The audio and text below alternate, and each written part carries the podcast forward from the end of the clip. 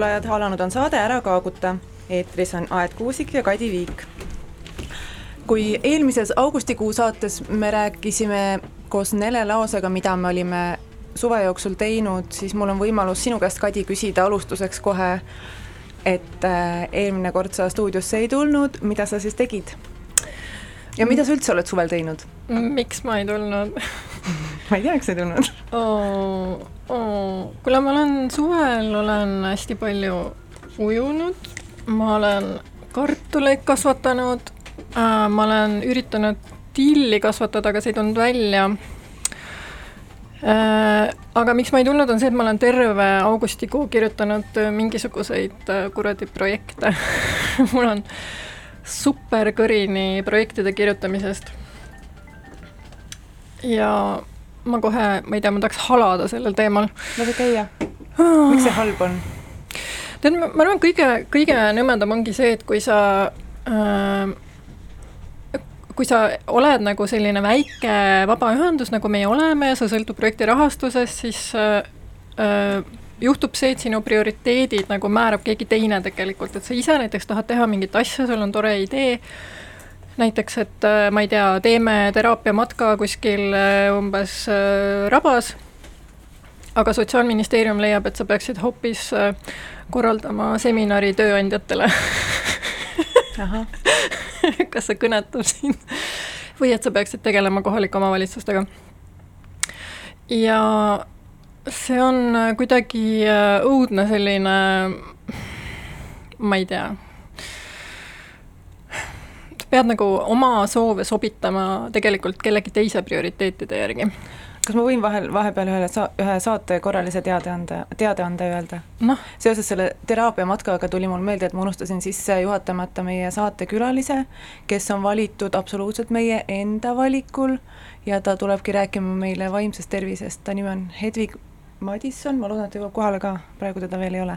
ma loodan ka, aga, aga noh edasi. Võlt, oled võltsinud tööaja tabeleid ka sellises projektidega või? ma ei ole, aga ma täiega mõistan, mõistan nagu Nurkse instituudi, miks sellised asjad tegelevad te,, juhtuvad ja, ja ma kujutan ette, kuidas äh, neil oli ma ei tea, mingi lõkkeõhtu augustikuus, kus nad lihtsalt põletasid oma tööaja tabeleid, et neid ei oleks enam olemas audiitoritele näidata. sest et äh, sa saad raha, sul on mingi eelarve fikseeritud sa oled lubanud, sa pead nagu oma tulemuse kuidagi siis ümber transformeerima selliseks, ma ei tea, töötundide arvestuseks, mis äh, nagu me kõik teame ju ei vasta tegelikkusele, et mõni asi võtab lihtsalt kümme korda rohkem, teine kolm korda vähem. ja ma kujutan ette, et selles teadustöös äh,, aktivismis või mingit sorti ühiskondliku teema eesveda-, eestvedamistöös ja kunstis ka on üldse see piir, millal ma nüüd siis äh, töötan mil-, või millal ma ei tööta, millal mul see õnnistatud puhkusehetk on. et see, see on väga keeruline seada. jaa, nii et äh, üldse on igasuguseid asju projektindusega keeruline, et näiteks äh, meie, kes tegutseme ka sellises valdkonnas, kus äh, ma ei tea, me tahame, et meie tulemuseks on äh, mingisugune kas hoiakute muutus või või et inimõiguste olukord on paranenud, siis äh, näiteks on ka suhteliselt raske välja mõelda mingisuguseid kvantitatiivseid mõõdikuid, mis siis peaksid tõestama seda, et meie tegevusel on ka mingi mõju olnud, et äh, ise nagu võib tajuda seda mõju, aga mis on nagu adekvaatne mingisuguse ma ei tea, projekti rahastaja jaoks, et see on teine küsimus. sa peaksid tegema Omnibus uuringu ja selle jaoks omakorda siis taotlema raha kuskilt, sest need on päris kallid asjad teha jah, paneme sisse järgmine kord, kui küsitakse erakondade reitinguid, et siis äh, by the way nagu, mida sa arvad soolisest võrdõiguslikkusest? kas sa toetad? jaa, aga äh, varsti saab see kõik mööda, ma loen siin päevi, teisipäeval on viimane tähtaeg, kusjuures ma lugesin kokku, et me oleme siis nüüd augusti mingi kahe nädala ja septembri esimese nädala jooksul tuleb meil kokku vist viis projektitaotlust, mida me esitame, kuna meil on mingid väikesed ka nii et see on tõesti päris selline õudne, õudne periood olnud. aga mis ma veel olen teinud? see on ma... hea, et sa oled puhkanud, puhanud hästi siis suve jooksul äh,. ei, ma ei ole ujunud palju ma ei jaksa sellega ma ei saa öelda, et ma olen hästi puhane ja ma ei saa öelda, et ma oleksin ise eesrindlik projektikirjutaja Feministeeriumis, aga mul on mm. väga head teised väärtused. Jah kuule jah, iga, ma ei tea, mingid igast asjad on sisse sadanud ja, ja nüüd viimane asi oli see, et mingid ajakirjanikud sadasid kaela, nad tulid Soomest kohale, tegelikult üks vist elas Soom-, äh, elab Eestis, teine elab Soomes. ja nemad siis äh, uurisid, nad otsisid Eestis siis naist, kes ei kutsu ennast feministiks äh, Nad leidsid nad leidsid ta lõpuks, aga nad leidsid ka minu, kes ma siis ennast kutsun feministiks. aga see pani mind siis mõtlema, et miks naised ei kutsu ennast feministiks. mida sina oleksid vastanud sellisele ajakirjaniku küsimusele? et miks naised Eestis ei kutsu ennast feministiks mm? -hmm. ma ei tea, ma olen ka viimasel ajal mõelnud palju selle peale, kas mulle üldse on oluline, et keegi kutsuks ennast feministiks, et kui, kui, kuivõrd mul on oluline see identiteet eh, ja kui, ja see enesemääratlus ja tegelikult eh, noh, mul on ikkagi rohkem oluline see, mida inimene eh, teeb või räägib aga aga noh, feminismist saab ikkagi rääkida või feministlikust mõttemaailmast ja miks seda siis ei taheta omaks võtta, noh, näiteks mu ema on jah, ta on vägagi äh, äh, feministlik. Äh,, ta mitte elu sees ei nimeta ennast ise feministiks sest et ta ütleb, et ma tahan ikkagi ju kellelegi toetuda, minu meelest on täiesti okei okay ja normaalne, normaalne maailm, kui sul on ümber inimesed, kelle, kellele sa saad nagu ra raskuste mm, korral tuge otsida. aga, aga siin nagu ikkagi peitub mingisugune selline ähm, hoiak feminismi või võrdõiguslikkuse suhtes ja kahtlemata need juured ju noh, ula-, ulatuvad sellesse aega, mis meil on ka teiste Ida-Euroopa riikidega mm, ühine, et sellise väitega, et et ei taha olla feminist, on võib-olla seotud selline näiline ise, iseseisvussoov, et, et mitte kaasa joosta selle mujalt tulnud ideoloogiaga, mis on siis nagu hästi palju esitatud kui läänest toodud mingit produkti, sest kuna ähm, mm, just, et, et see feminism on kuidagi läänest äh, sisse imporditud. see, see väide minu jaoks on hästi naljakas, sest justkui tarbimiskultuur ei oleks siis nagu läänest sisse imporditud või ei oleks nagu ideoloogiline äh, nagu oma olemuselt või aga jah, see, selles Nõukogude äh, Liidus ju levitati võib-olla seda sõna kasutamata, seda võrdõiguslikkuse ideed väga tugevalt, aga see oli selline propagandistlik ja ja riigi mm, ma ei tea, partei huvidest lähtuv Mm -hmm. et valikuvabadus, mis on ju feministide põhiline nõudmine ja, ja, ja tingimused selleks äh,, ei olnud siis äh,, siis üldsegi esikohal ega üldsegi kõne, kõne all. tere, Hedvig.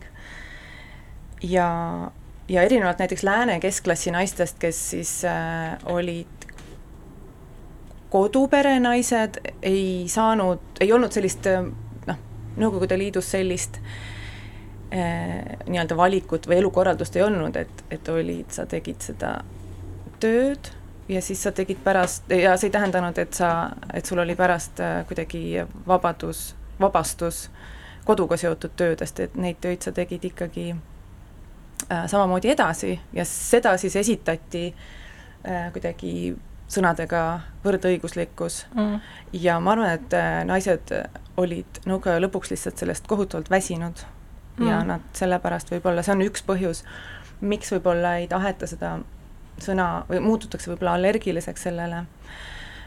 ja, ja teisest küljest jah, noh, siin ka meie portaalis Feministeeriumis on ju juba kahe tuhande viieteistkümnendal ja kuueteistkümnendal aastal on ilmunud kaks artiklit, mis on väga head ka praegu lugeda Katrin Kivimaa ja Rediko Oobakult, kes on analüüsinud seda, kuidas äh, Ida-Euroopa feminism, nad ongi olnud kri-, kriitilised selles, selles, kuidas äh, läänest ei saagi otse äh, üle ju võtta, sest et mm. elud ongi, Ida-Euroopa naiste elukorralduse elud ongi olnud teistsugused ja need, mida võib-olla peetakse noh, mingid asjad, mida peetakse läänes hästi emantsipeerivaks, võib-olla ei ole siin seda ja vastupidi, noh, kui me kuulutasime välja selle moosi keetmise võistluse, siis meil oli ka üks kommentaar või isegi paar tükki, et kuidas te, noh, et te surute naisi kööki või et mm -hmm. uh, how is this feminist mm. -hmm.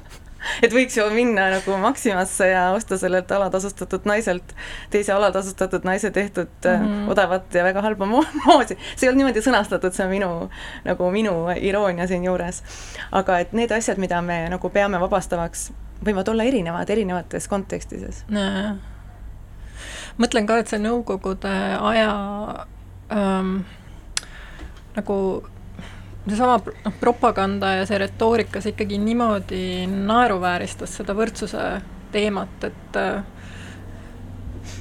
et ma arvan, et see on ka jah, tõesti jätnud mingisuguse sellise jälje, sest et noh, iseenesest kui mõelda, et siis ma ei tea, aastal üheks, need, kes sündisid üheksakümmend üks, on praegu kakskümmend kaheksa, nad võiksid nagu olla kuidagi vabad sellest, aga, aga noh ütleme siis äh, sellised, äh, see pärand või see, kust su vanemad tulevad või sinu ümbritsevad inimesed mõjutab sind ka ju väga palju.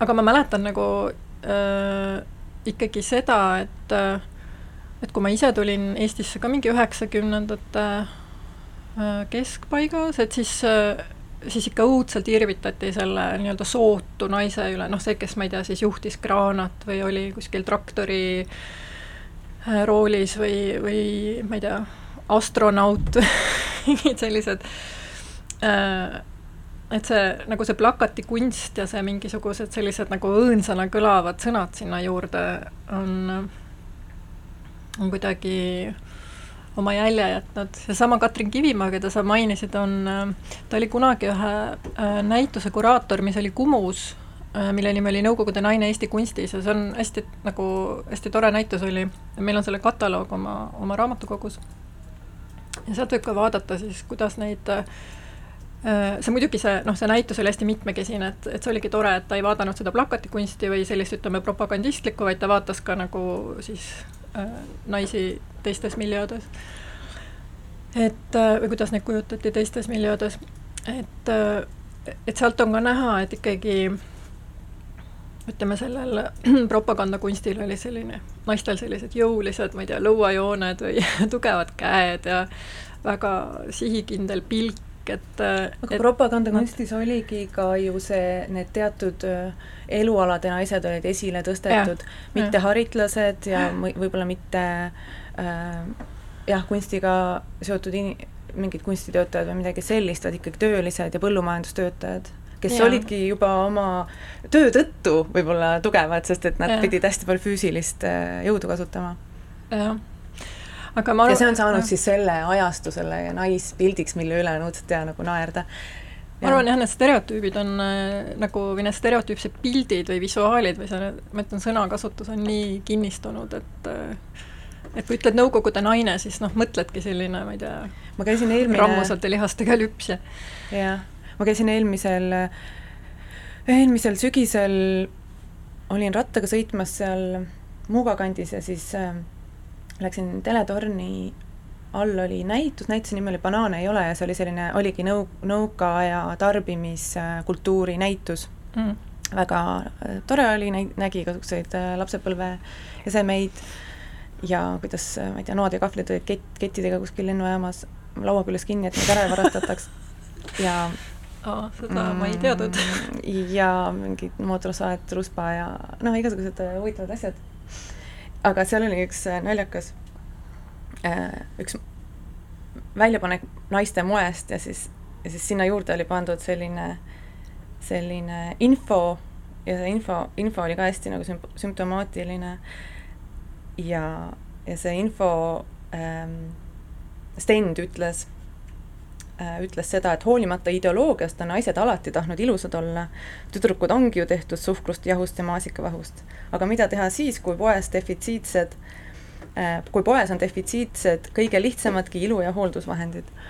et kuidagi nüüdsel ajal siis tagasivaade sellele, sellele nõukogude ajale, kuidas naisel üldse ei olnud äh, eneseväljendamise võimalust äh, ja nad kõik käisidki ainult tunkedega, on ka ikkagi noh, see, see, see, see ei ole nagu päris adekvaatne ikkagi. Mm..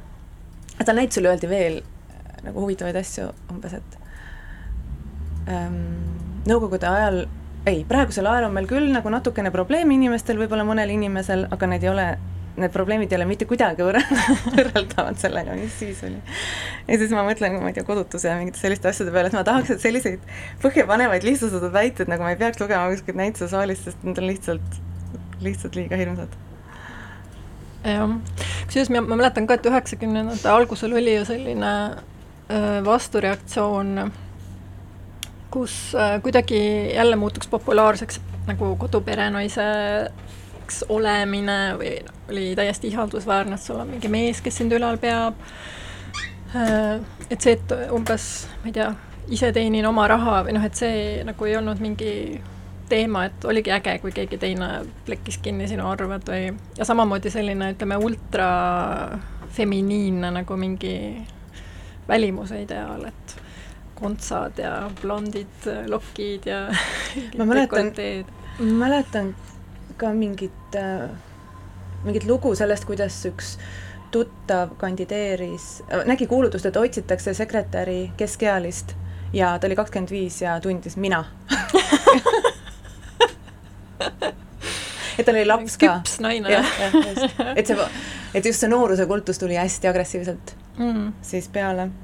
ma ise mõtlen seda, et see äh, kõik jah, et meil ikkagi valitseb selline ult-, ultra nagu parempoolne ideoloogia, et inimesed on täiega sellist, äh, ma ei tea, Ameerika unistuse usku, et äh, kui sul on mingeid probleeme või sa ei saa hakkama, siis järelikult on viga sinus mm. -hmm. ja see puudutab ju kogu seda soolise võrdõiguslikkuse ja naiste õiguste teemat ka, et kui sa ei ole edukas, siis sa oled järelikult ise nõrk et kui sa saad madalamat palka, siis ma ei tea, küsid liiga vähe või oled valinud vale ameti, et seda süüdistust ma kuulen hästi tihti, et aga miks sa siis lähed umbes õpetajaks, mitte, ma ei tea, IT-inseneriks.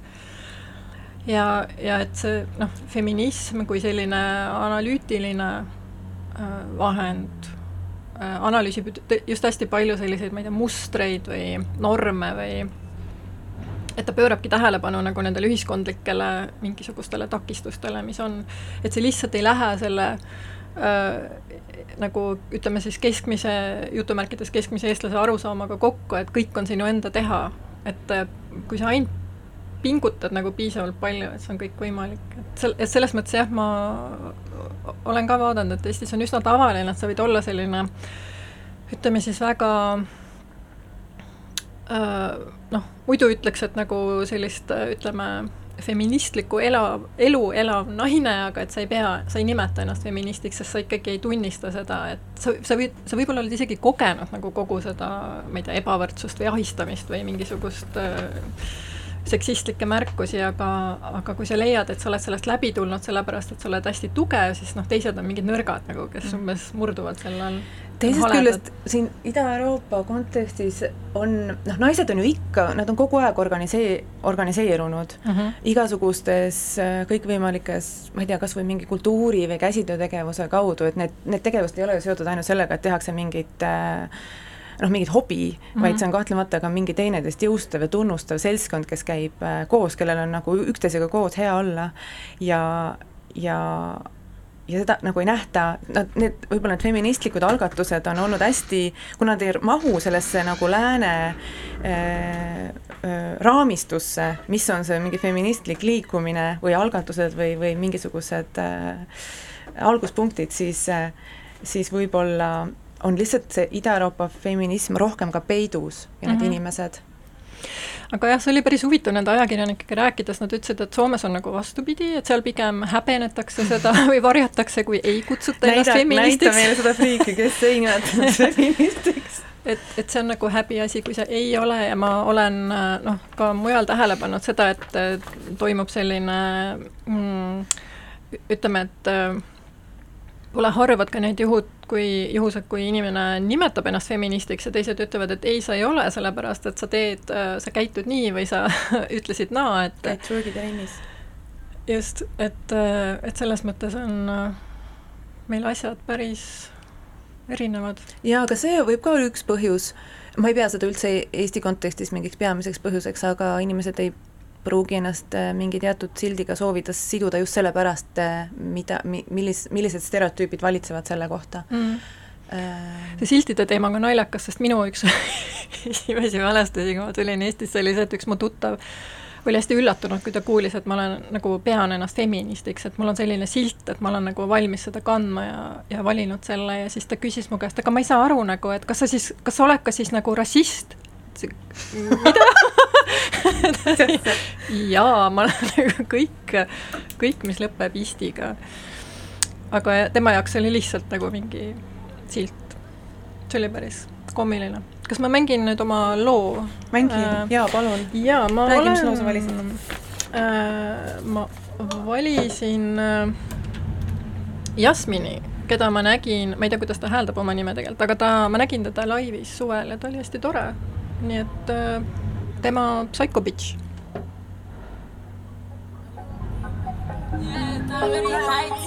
This might not, not take the other one.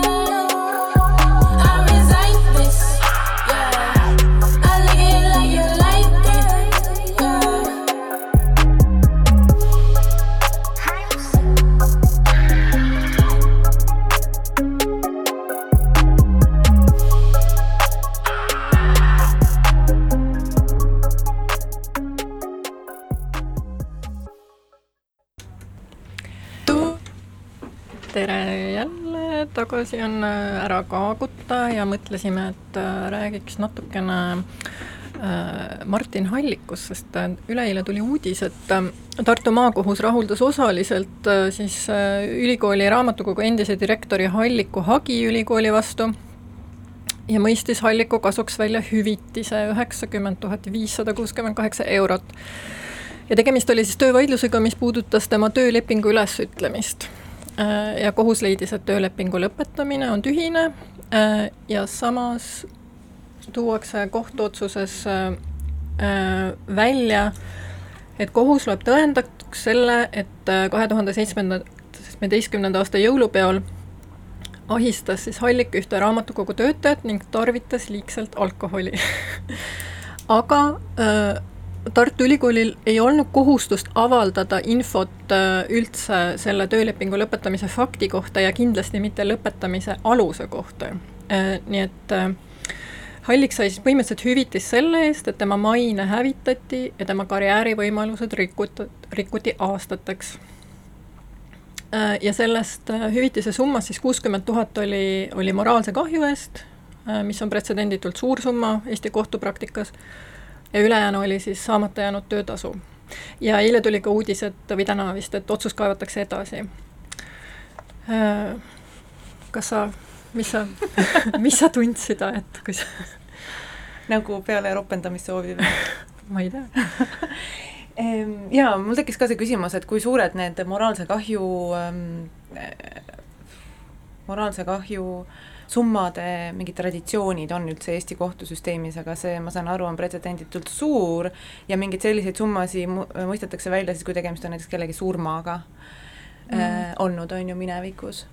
Näiteks mitme inimese hukkumine kuskil autoõnnetuses ja siis on mo-, moraalne kahju näiteks pealtnägijale selline. Mm.. aga, ja teine küsimus on ikkagi jah, see kuidagi äh, noh, mingid niisugused, kui küsid, mis tunded mul, mind, mind nagu valdavad, siis ma mõtlen raamatukogu ülikool, et mingi tohutu summa, et nagu kõik minu maailmas need ei käi üldse kokku, aga siis nagu kui, kui jutt käib nagu ülikonnaga mehest, kes ahistab, siis justkui nagu käivad kokku mm. tekivad need Mina summad mõtlen... lihtsalt kuidagi sinna sellesse käsitlusse tekivad mingid hästi suured summad mm. -hmm minul tekkis jälle selline déjà vu, ma mõtlesin, ma olen seda kõike nagu kuulnud, et see on nii kummaline ja siis ma hakkasin uurima ja tuli välja, et ma olen ka seda kõike kuulnud, sest et äh, eelmisel aastal juhtus põhimõtteliselt täpselt sama asi mm. -hmm. et siis äh, mõistis töövaidluskomisjon Hallikule välja sada kaheksateist tuhat eurot. ja see oli siis see otsus, mis nüüd edasi kaevati, nii et tegelikult äh, võib öelda, et ülikoolil läks isegi hästi, sest et nad peavad kolmkümmend tuhat vähem maksma et mingisugune väikene progress on toimunud aga tõenäoliselt see asi läheb siis edasi järgmisesse astmesse ja võib arvata, et äh, kuni lõpuni välja, et vähemalt ma rääkisin täna ühe Tööinspektsiooni inimesega, kes arvas, et ülikool tõenäoliselt läheb lõpuni.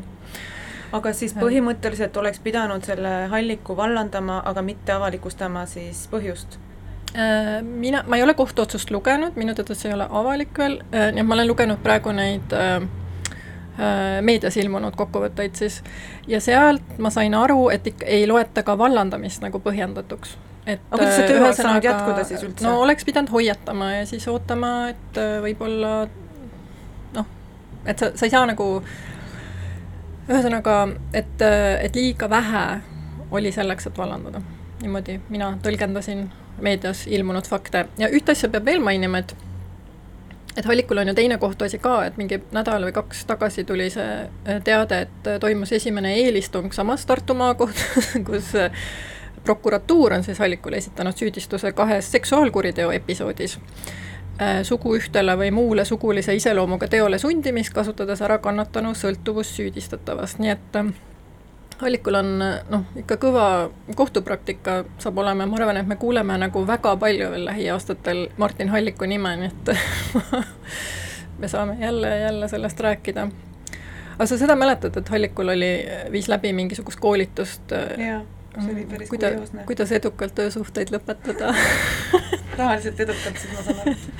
ei ta nagu mulle jäi mulje, et ta rääkis sellest, et tema on äh, suutnud nagu lah-, vabaneda inimestest siis niimoodi, et, äh, et ei, ei ole nagu pidanud kohut käima. aga võib-olla ta rääkis ka oma kogemusest siis selle teise poole osapoolena, ma ei tea, Eestis osalustasu oli nii kõrge, see oli kolmsada eurot, et ma ei saanud minna. aga võib-olla ta teeb neid koolitusi veel.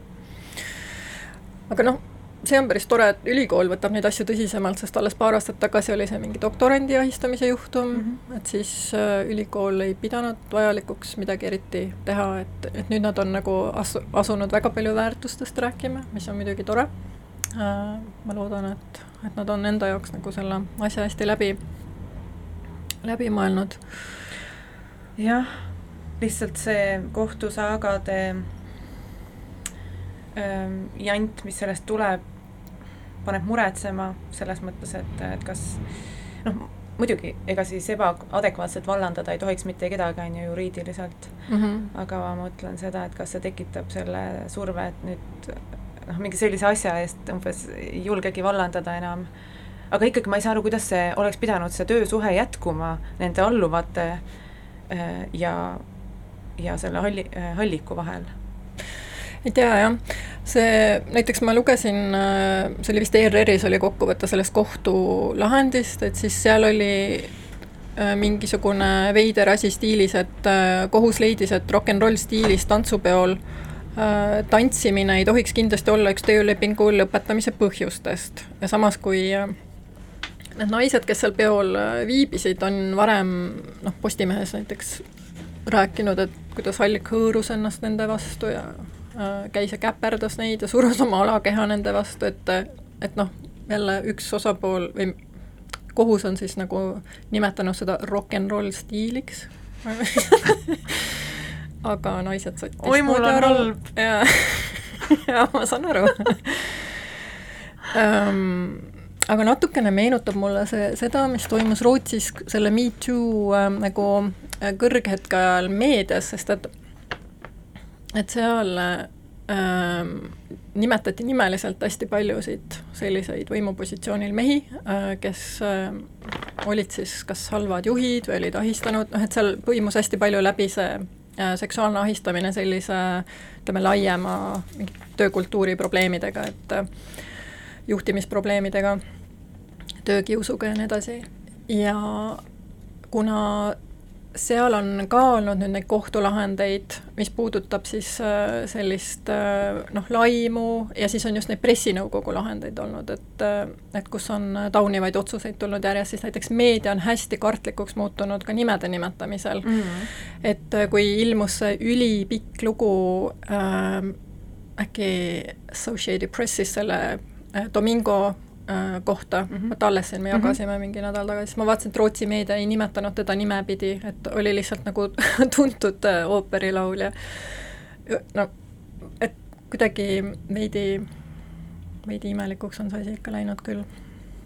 jaa, aga me lähemegi seda Me Too liikumise ähm, analüüsi äh, ju äh, jah, Me Too liikumist analüüsima Islandile varsti-varsti pooleteise nädala pärast, sest seal on mitu teemaline konverents, kus me saame kõike seda, ma arvan, saame, saame kõigest sellest nagu palju-palju äh, targemaks, kuidas on, kuidas on läinud suured case'id ja väiksed case'id ja ja nii edasi.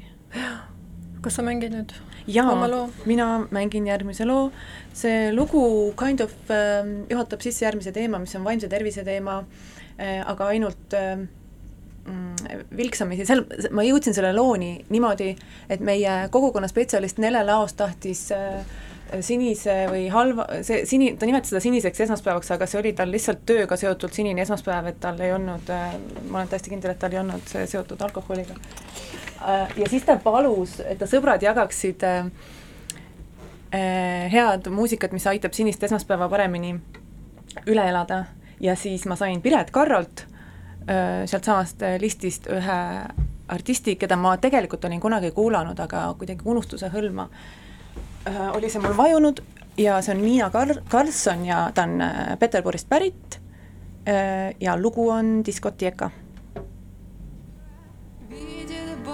в каблучках Сразу речь его стройней Томный взгляд его для ней По любви печали На качелях покачали Прогуляли, полюбили В сундучках и позабыли. Яблоневый сад, я по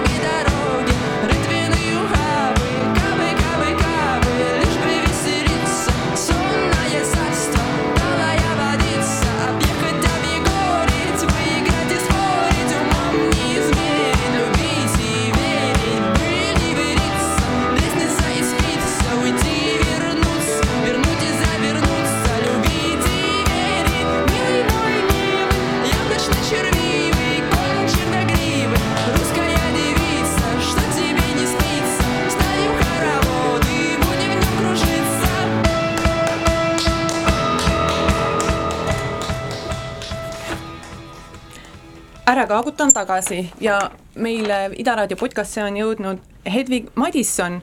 ta on Eesti Noorte Vaimse Tervise Liikumisest ja Feministeerium tahab selle organisatsiooni ja Hedvig Madissoniga rohkem äh, koostööd teha, põkkuda. aga Hedvig, tere!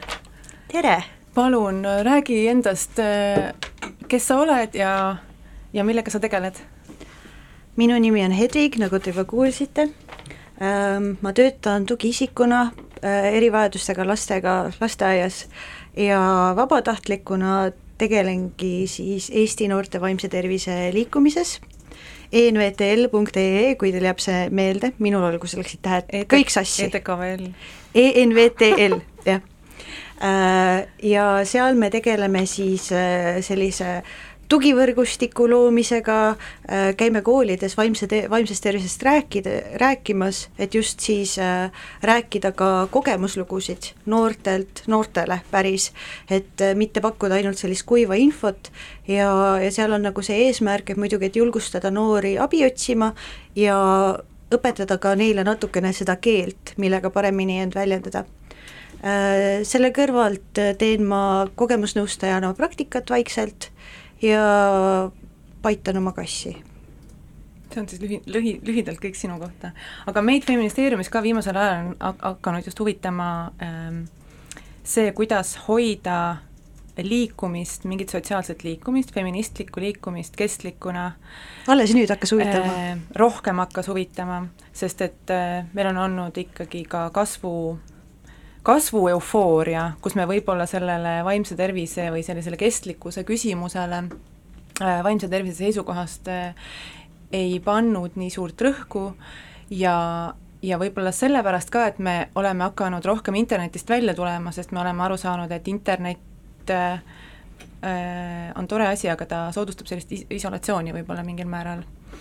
ja see on üks asi jah, mis on meid huvitanud, aga, aga kui sa räägid äh, Äh, vaimsest tervisest, siis mis, kas, kas see dialoog vaimse tervise alal ühiskonnas laiemalt praegu on sinu meelest adekvaatne või, või mis, millest me räägime, kui me räägime vaimsest tervisest? siin oli kohe tegelikult mitu küsimust üksteise järgi, et äh, vaimsest tervisest rääkides äh, alustame juba sealt, et kas me räägime nüüd vaimsest heaolust või me räägime juba vaimse tervise puudumisest ja vaimse tervise probleemidest. et räägitakse tavaliselt ikkagi sellest, äh, mis on juba probleemiks.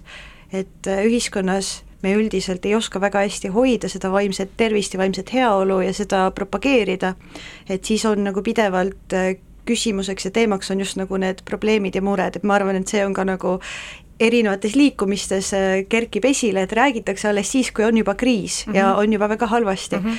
aga see, et kuidas nagu kõike seda ennetada ja kuidas tegeleda võib-olla mingite nende väiksemate probleemidena äh,, probleemidega, et need ei äh, kasvaks hullemaks kriisideks äh, ja ei tekiks olukordi, kus inimesed peavad juba liikumisest eemalduma või äh, liikumine kukubki laiali, see on väga puudulik, ma ütleksin aga mida sina oma töös näed, et on inimest, inimeste need vaimse tervise mm, mured?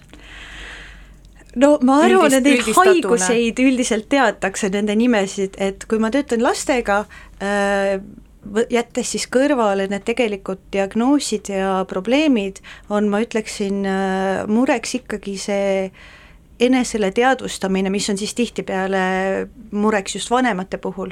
et muidugi on väga raske aktsepteerida sel-, seda, et su laps ongi teistsugune ja et tal on vaja teistsugust kasvatust, tal on vaja mingisuguseid äh, teenuseid, mis teda toetaksid, mida on muidugi tihtipeale väga keeruline taodelda ja nendeni jõuda ja, ja noh, vahel on kergem silmad kinni panna, see on seal nagu suurem mure.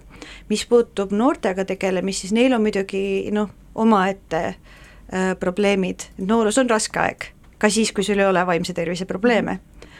aga meil on endiselt teemaks, eks ole, koolikiusamine, viimasel ajal on ka see väga aktuaalne olnud. see on hea ju, et sellest teemast räägitakse hea on, et sellest teemast räägitakse, halb on see, miks selle teemani jõuti jälle nii teravalt muidugi Äh, aga, aga muidugi on probleemiks igasugune, ma ütleksin, selline ühiskondlik pinge saavutada võimalikult palju ja kõike võimalikult hästi, et kõigil oleksid ikkagi suhted igal ajal, igal hetkel, et me oleksime kõik täiuslikud, äh, et me oleksime kõik ilusad, et Instagram oleks kõigil olemas ja noh, sellised noh, tüüpmured ma ütleksin. ma tahtsin ka sult küsida, et kes, et noh, et mis kuidas see kokkulepe on sõlmitud, et millal muutub keegi düsfunktsionaalseks? see, et ma näiteks ei jääks, mul puudub igasugune jaks selle otseses mõttes nagu füüsilises ja vaimses mõttes näiteks kümme tundi orjata mingisugusele korporatsioonile, ma lihtsalt selles kontekstis ma võiks öelda, et ma olen düsfunktsionaalne, ma olen töövõimetu. Aga et, et kust see nagu tuleb, kes, kes see seab selle standardi, milline üks inimene peab olema ja miks see, miks see nagu on nii, minu meelest on see üks põhjus, miks Äh, miks on inimestel raske ühiskonnas hakkama saada, kuna, kuna neid valikuvõimalusi olla mm, teistsugune on vähe või need on väga rasked, et need on aga noh, seotud ka privileegidega, et kas sul on võimalik teha teistsuguseid valikuid?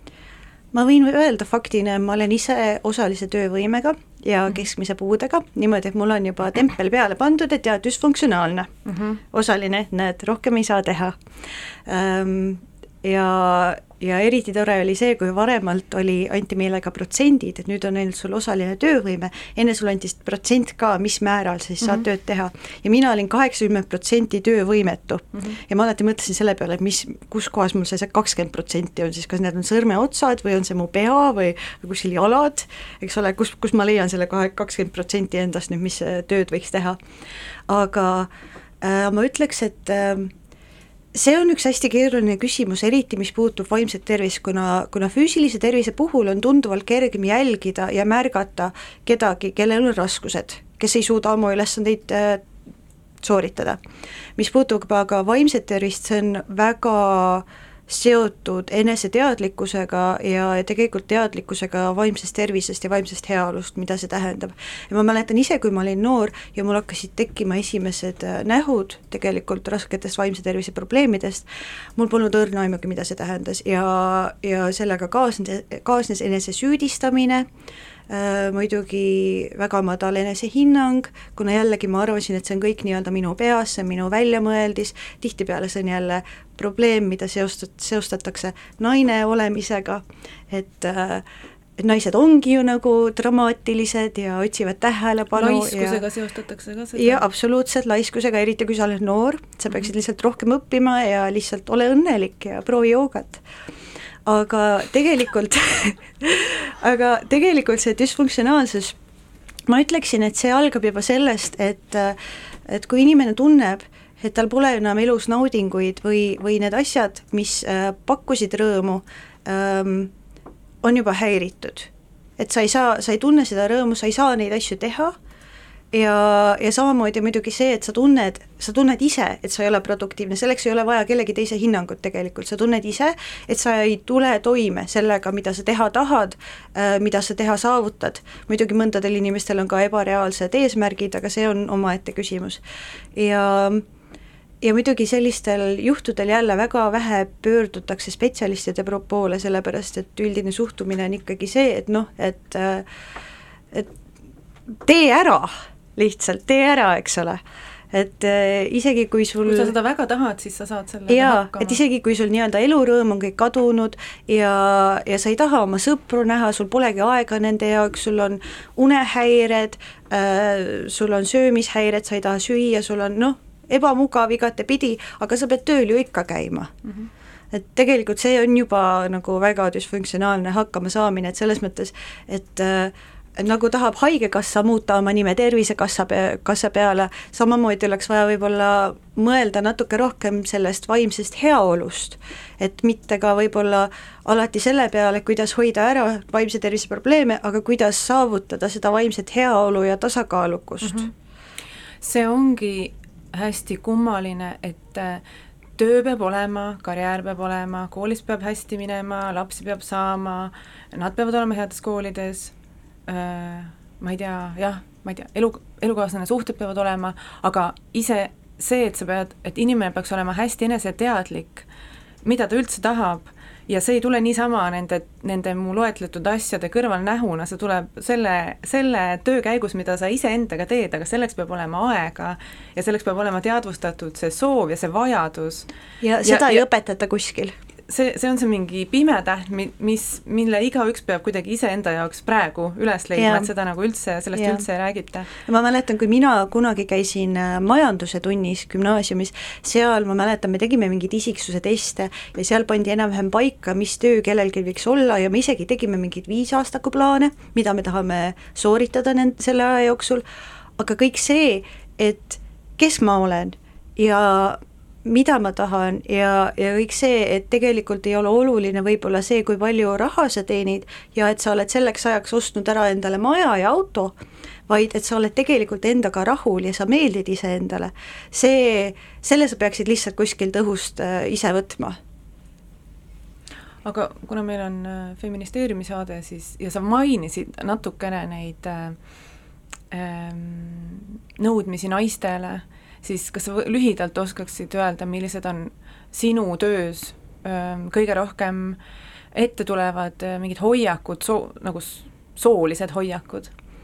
ma ütleks, kõige õudsam ongi see Äh, arusaam noortest neidudest kui üledramaatilistest ja tähelepanu otsivatest ja tihtipeale see viib selleni, et arvatakse, et neile ei tohiks siis seda tähelepanu pöörata miskipärast. et ravime seda tähelepanu vajadust sellega, et me ignoreerime täpselt, neid. täpselt, ja see on ääretult levinud ja, ja arvatakse, et kõik nagu enesevigastamine, söömishäired äh,, Äh, koolist puudumine, isegi äh, juba erinevate ainetega probleemid, et need on kõik lihtsalt tähelepanu saamiseks, mis ma ütleks, on nagu, see võib nii olla, aga see on ju ilmselgelt probleem kui inimesel on vaja sellist midagi. tähelepanu mm, -hmm. et, äh, et tihtipeale sellepärast, et äh, noormeeste puhul on tunduvalt rohkem julgustatud selline väljapoole käitumine, eks ole, äh, ja nooruses ma ütleks ka mingil määral emotsioonide väljaelamine, kui nemad saavad rahmeldada ja nad saavad joosta ja ja nad saavad, ma ei tea, üksteise otsa kukkuda ja nad võivad vihased olla, siis tüdrukute puhul on palju rohkem näha seda sissepoole elamist ja, ja mingil hetkel see sissepoole elamine ju hakkab haiget tegema mm -hmm. tegelikult. et ma olen ise tundnud nagu füüsilisi valusid, kui mul on vaja midagi väga-väga öelda ja ma ei saa miskipärast. ja see nagu täiesti tuleb nagu füüsilise val-, valuna kurgus ja, esile. depressioon ongi ju see, et midagi pressib põhimõtteliselt jaa, midagi pressib, eks ole. ja, ja lihtsalt minu meelest see mõte, et sa just ei tohiks siis tähelepanu pöörata sellele noorele inimesele, kes võib-olla ei oskagi kuidagi muud viisi abi otsida mm, -hmm. on õudne. ja lisaks sellele muidugi ma mäletan ise jällegi, kui ma olin ise noor ja mul olid samasugused äh, hirmud iseenda suhtes, et appikene, et see ongi kõik minu peas ja see ei väärigi tähelepanu ja, ja see ongi kõik nagu nõme ja mõttetu ja kusjuures mina hakkasingi ennast vigastama ausalt sellepärast, et ma tundsin, et see teeb selle reaalseks, et muidu ma ei saakski mm. mingisugust tähelepanu või abi oodata, sellepärast et minu probleemid äh, on nähtamatud teistele mm. et äh, ja, ja ma mäletan, et kõige rohkem, mis mind tegelikult oleks aidanud, oleks see, kui keegi minu lähedastest, kas mõni sõber või täiskasvanu minu ümber, oleks mulle lihtsalt otsa vaadanud ja öelnud, et kuule, asi on tõsine lähme otsime abi, ma, ma võin sinuga koos tulla, nagu otsime koos, ma, ma aitan sind isegi, muidugi noh, see kaasas olemine selles teekonnas on tegelikult meeletult suureks abiks, aga mida minul oli väga vaja, oligi see, et keegi võtaks mind tõsiselt mm just selle asemel mm, -hmm. et, et nagu pöörata pilk eemale, et ah, nagu saa üle sellest, eks ole mm, -hmm. et ära dramaatilise siin mm. -hmm. just nagu tegelikult pööraks mulle seda tähelepanu ja vaataks mind otse niimoodi silma et äh, see on midagi, mida me näeme siiani ja muidugi äh, noorte naiste vahel on ka palju selliseid äh, suhteprobleeme, et mul on praegu neljateistaastane õde, mingi hetk ta võib-olla ka kuuleb seda, tere Hedina, sorry, et ma sinust räägin, aga, aga lihtsalt, kui ma kuulen seda, kui raske on temal oma sõpradega, sellepärast et on jällegi mingi arusaam, et, et nad peavad kogu aeg äh, võitlema igasuguse noormeeste tähelepanu üle ja ja muidugi nad peavad olema kõiges parimad ja kui kutid, kuttidel võib olla halbu hindeid ja, ja muud jama, on ju, neil võib olla vahepeal kahtesid, neil võib olla märkuseid ja see on kõik normaalne koolielu. siinpool jah, vahele segada, et halvasti õppiv pätt tüdruk on väga raske koolis olla. eks ole tean omast kogemusest. aga kui sa oled tütarlaps ja sa käitud väljapoole kuidagi, eks ole, sa elad välja endal mingeid emotsioone, asju, mida iganes, siis on meeletu probleem, siis vot mm -hmm. äh, ma olen palju lugusid kuulnud äh, psühholoogidest ja, ja sotsiaaltöötajatest, kes kooli kontekstis põhimõtteliselt ei reageerigi ja ei tunne mingit huvi, aga kui sa tüdrukuna nüüd midagi sellist teed, siis on probleem majas. aga tead, mis, mul on selline tunne, et me peame selle äh, liiga lühikese ja mulle tundub ka, et äh, tõenäoliselt äh, äh mingil teisel korral jätkama pidava ülihuvitava intervjuu katkestama, sest et eh, Kadi tahab korralisi teadaandeid öelda saate lõpuks, aga enne, kui eh, ma Kadi üldse siia mikrofoni taha lasen, ma tahaks, eh, ma kuulsin, et sul on lugu valitud, äkki sa paari, paari sõnaga juhatad selle sisse? jaa, mina valisin siis äh, fun loo Be calm äh,, mis on minu meelest erakordne, sellepärast et see on äh, Nad on väga hästi muusikasse seadnud selle tunde, mis sul on, kui sul on ärevushoog. lihtsalt nagu need muutuvad rütmid ja helid, see lihtsalt nagu see tekitab selle tunde põhimõtteliselt, aga samas seal on see sõnum, et nagu vahetevahel mingid asjad lihtsalt lähevad mööda, kui sa lihtsalt rahuned natukene, hingad ja lased sellel olla, mis on minu meelest ka selline oluline mõte, eriti kui on kellelgi mingi väga valus hetk, et lihtsalt vahetevahel on vaja hingata hetke. hingamine on tõesti ja imeline. Palun, Viik. Aitäh, tore, et sa eest ära tulid, et ma mahtusin siia mikri taha. Ja õudselt kahju oli, oli sisse hüpata nüüd, oleks hea meelega ise edasi kuulanud, aga, aga meil on tõesti mõned teadaanded, üks on see, et äh, lõpuks ometi on võimalik äh, Feministeeriumi uudiskirja endale postkasti tellida. ehk siis me oleme äh, tahame kommunikeerida ka teiste kanalite kaudu kui sotsiaalmeedia ja üks selline on vana hea e-post. isegi päris post oleks tore, aga praegu on siis e-post see variant. meil pole endal postkasti siin ah,. jah, meil, õigus, äh, meil ei ole postkasti, nii et. veel? veel ei ole, jah aga et äh, uudiskiri ilmub kord kuus, et ta ei ole väga koormav äh, ja noh, ütlen mina, kes olen muidu üldiselt äh, väga tõrjuv uudiskirjade suhtes. Ähm, ja liituda saab siis nii, et minna Feministeeriumi Facebooki lehele ja otsida menüüst üles Telia uudiskiri. kahjuks ei tööta mobiilivaatega, nii et peate siis arvutist minema. Äh, ja teine tore asi on see, et oktoobris, kaksteist oktoober kell üks toimub meie kontoris praktiline feministliku verbaalse enesekaitse töötuba, mida teeb Irene Zeilinger ja see on inglise keeles. Äh, osalemine on tasuta, aga kohad on piiratud, nii et äh, tuleb ette registreerida ja siis selleks tuleks kirjutada Nelele, nele.feministeerium.ee. ja me postitame ka infot selle kohta nüüd järgmine nädal ja siis äh, samal päeval, kaheteistkümnendal oktoobril toimub õhtul pannkoogipidu, kuhu me siis toome välja kõik need moosid, mida me sundisime naisi keetma suvi, suvi läbi.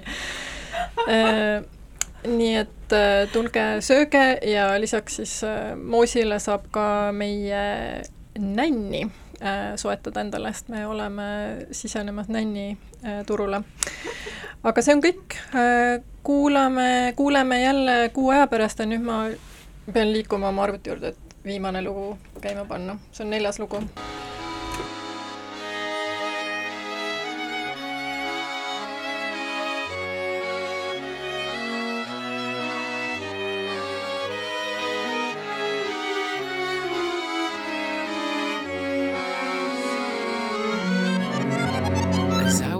Streets of my new city My back feeling much better, I suppose. I reclaim the use of my imagination. For better or for worse, I've yet to know. But I always knew you'd be the one to understand me. I guess that's why it took so long to get things right. Well, suddenly I'm lost on my street, on my block. Oh, why? Oh, why? Oh, you been there for me? Can't you see? I'm losing my mind this time, this time. I think it's for real, I can see. All the treetops turning red, the bakers near bodegas grinning. Me, I think they want something. I close my eyes, I tell myself to breathe and be calm, be calm. I know you feel like you were breaking down. Well, I know it gets so hard sometimes. Be calm. I'm scared that everyone is out to get me These days before you speak to me, you pause. Oh, see you looking out your window. After all, you lost your band, you left your mom. Now, every single crack, every penny that I pass says I should I believe or pick every single buck I made, I'm saddled with bad luck that came the moment I was baptized. Oh, when I found out one day I'm gonna die, if only I could find my people, all my place in life. Then when they come a caroling, so loud, so bright that then will lead us to a chorus where we'll all rejoice and sing a song that goes.